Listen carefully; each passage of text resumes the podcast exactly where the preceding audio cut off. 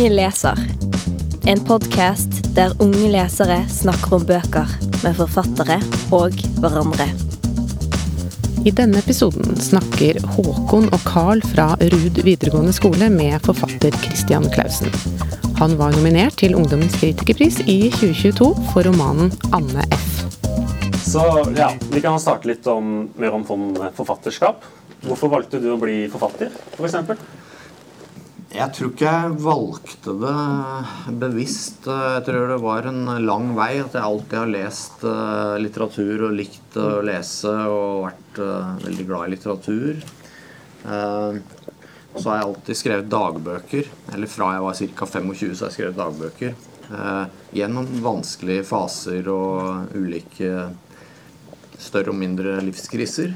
Og den dagbokskrivinga gjorde at jeg fikk et veldig nært forhold til det å bruke tid på å skrive og, og, og, uttrykke meg. Og så var det kanskje en dag når jeg var noen og 30 at jeg begynte å se at uh, enkelte dagboksinnspill uh, kunne vært starten på en novelle. Da. At jeg liksom så at hvis det der kunne vært kanskje begynnelsen på en novelle. Så jeg var vel noen og 30 før jeg begynte å tenke at jeg kanskje skulle prøve å satse på å skrive og gjøre noe mer ut av, ut av det. Ja. ja. altså Har du noe, for noe interesse når du skriver? Er det noen spesielle ting du legger større vekt på enn f.eks. andre forfattere? Ja, Det var et veldig godt spørsmål. Eh, jeg har alltid vært veldig opptatt av språk og å prøve å forføre leseren. At eh, hvis du leser første setningen, så må du liksom lese videre og, og bli dratt inn. Uh, I noen bøker så har jeg ikke helt fått til det kanskje i åpningen. Og i noen bøker så føler jeg har fått det til i form av at språk er noe magisk. Og måten man kan manipulere og få energi eller sånne ting i språk, er, er liksom en gåte. Det er noe uforståelig i hvorfor språk fungerer, og, og, og hvorfor det ikke fungerer. Og, og, hva det er som skaper nerve og fører leseren inn i boka og til det liksom, lille landet som du lager der. Da. Så jeg, jeg, vil si at det, den fascinasjonen for språk er grunnleggende for meg sånn på, når jeg begynte å skrive og satse på det. litt. Mm. Hvordan var det å gå fra novelle til roman?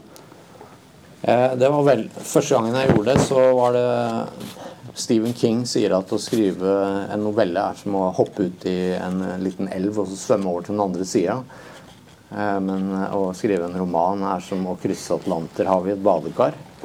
Eh, og jeg hadde litt den følelsen. Jeg, følte at novellen var min sjanger. Skrive korte fortellinger og med et anslag og huke leseren, og så fortelle, og så bli ferdig. Eh, så var det en gang at jeg eh, begynte å skrive en novelle som vokste til 30 sider. Og så når jeg kom da, så tenkte jeg det er jo lenge igjen. Jeg, jeg kan ikke stoppe og avrunde her. Og så da tenkte jeg ja, nå gjør jeg det. Nå hopper jeg uti det. Det, og så blei det en roman. Jeg bare tok sats på en måte fra side 30. Da. Og så det ble debutromanen 'Globus'. Har du noen planer for videre bøker?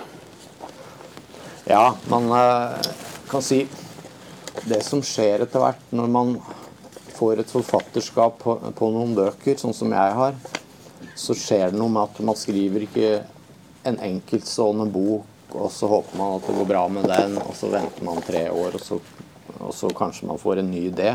Man begynner å se en helhet. At det er en linje i bøkene som henger sammen. Det er liksom eh, Mitt eh, håp er at jeg lager et slags uh, univers som, hvor alle bøkene henger litt sammen, på en måte.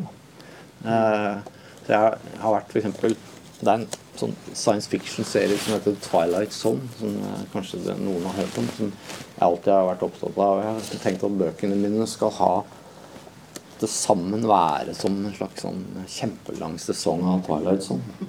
Eh, hver, episode, hver bok er liksom en rar episode i det universet. Da. Eh, sånn at eh, når jeg tenker videre fra der hvor jeg er nå, Det er ikke sånn at jeg tenker å, jeg håper jeg får en idé om et eller annet, liksom. Jeg, jeg ser hva har jeg gjort før. Hva er det naturlige linjer som, ikke sant? Jeg har jo det her med byen Drammen, ikke sant. Og jeg har det med historiske karakterer og sånn. Og det gjør at jeg er på en måte inni noe som jeg hele tida kan utvikle i ulike retninger. Ja. ja. Lå det mye planlegging før du startet å skrive ANF? Nei, det lå ikke noe, noe, planlegging annet enn at jeg leste Anne Franks dagbok når jeg var på deres alder. Og, eh, og, den gjorde et sterkt inntrykk. Og så, 20 år seinere, så leste jeg den som godt voksen. Og det som skjedde da, var at jeg begynte å se ting når jeg leste den. Og så f.eks. loftet til foreldra mine sitt hus i Drammen.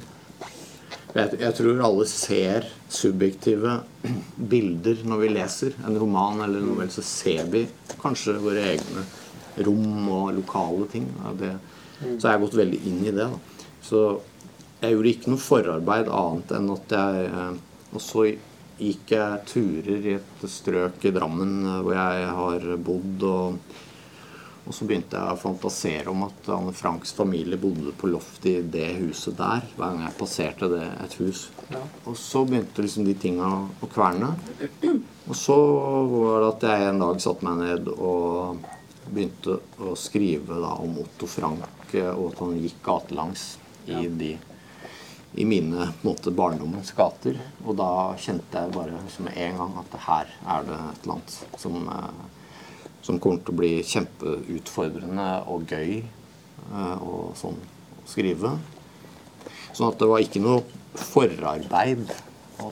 Bare ting som kverner litt her og grubler litt her. Også. Hvorfor satte du egentlig mer perspektiv på Otto Frank, syns jeg? Nei, Det er fordi Anne Frank Eh, sin stemme er på en måte så unik at jeg tenkte jeg ikke ville eh, prøve å konkurrere med hennes eh, stemme. Og så er det det at jeg sjøl da bikka 50 nylig. Og Otto Frank i boka, han er jo 55. Eller fra 52 til 55 ca. når det vesentlige der skjer. Så jeg tenkte at jeg vil ha mye større nærhet til han som den boka er mest i perspektiv med. da. Og så har jeg jo barn, og jeg har en datter på 18 år, så det ble på en måte mye lettere for meg å tenke hvordan ville jeg eh, reagert i en sånn situasjon?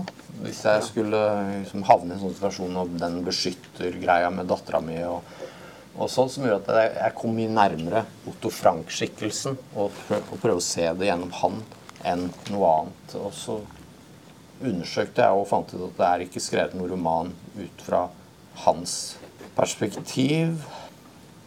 Ja, så det blei naturlig å velge han, da.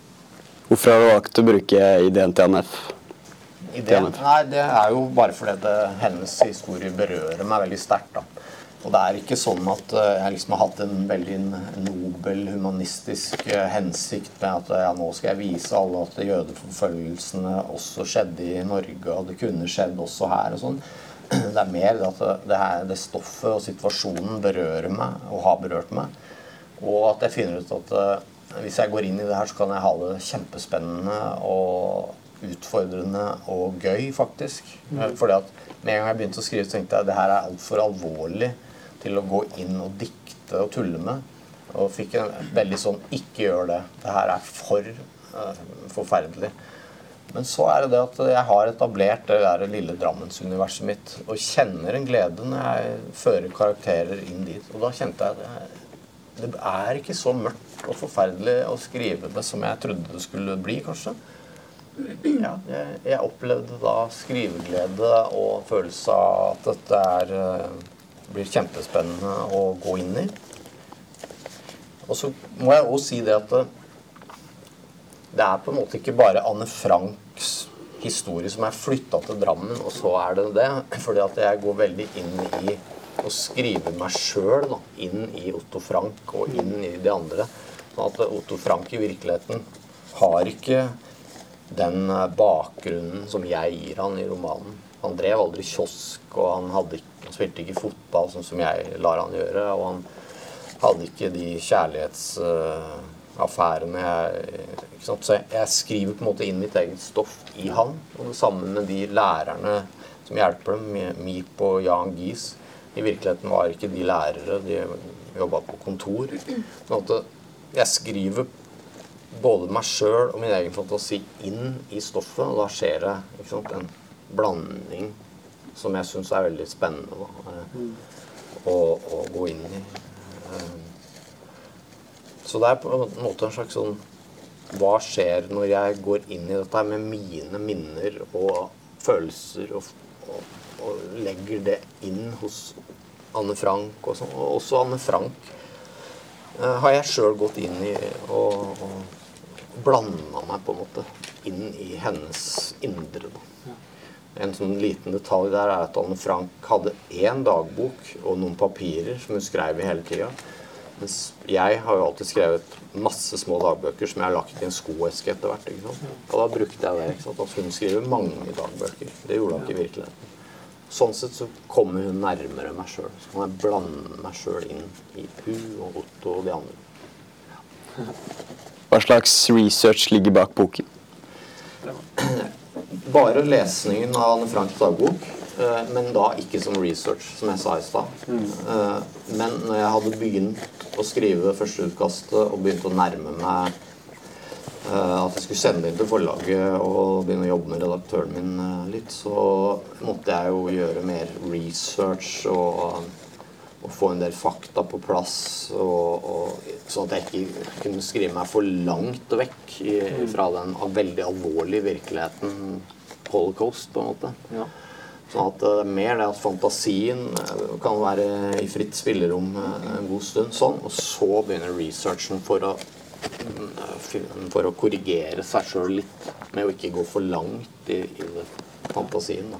Så research kommer ofte inn på slutten.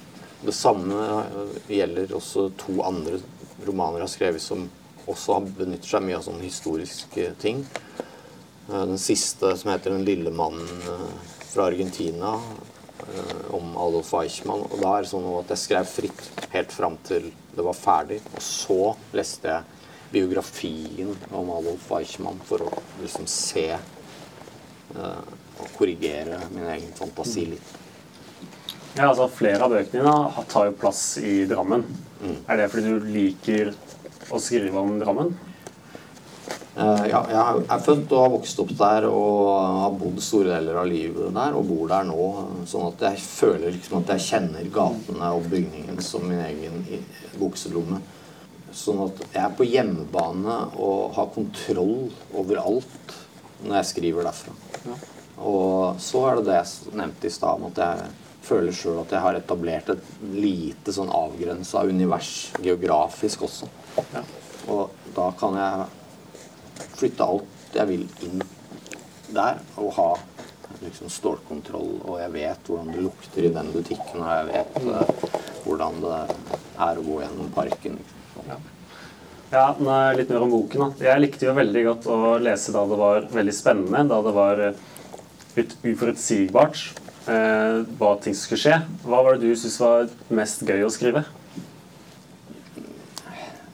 Egentlig alt eh, er gøy å skrive. Eh, eh, Men jeg følte en veldig stillhet når jeg skrev denne boka. her, av en eller annen grunn. Sånn at hvert kapittel skulle ikke være så langt, og det skulle ikke være store eh, liksom voldsomme emosjoner og drama. Det skulle være litt sånn nedpå. Og, og en slags sånn stillhet av en eller annen grunn som jeg ikke har kjent med andre bøker. Og det at han ender opp som veldig ensom eh, til slutt eh, Det var noe der som jeg ja. Helt til slutt så fikk han heller ikke utgitt boken sin. Er det noe spesiell grunn for det? Det ligger litt tett opp til det som virkelig skjedde, fordi han eh, Otto Frank forsøkte å få dagboka til Anne Frank utgitt i Nederland eh, flere ganger uten å lykkes. Så de blei refusert flere ganger eh, etter krigen. Og til slutt så var det en journalist som intervjua ham, og så blei det intervjuet blitt litt kjent, og dermed så var det et forlag som plukka opp. Så det spiller mer på det at det er ingen selvfølge at eh, eh, historien om jødenes skjebne var noe som var, det var interesse for i Norge rett etter krigen. Og at han sannsynligvis ville møtt den samme reaksjonen hos forlag, tror jeg, eh, som det Otto Frank møtte da faktisk i Nederland til krigen.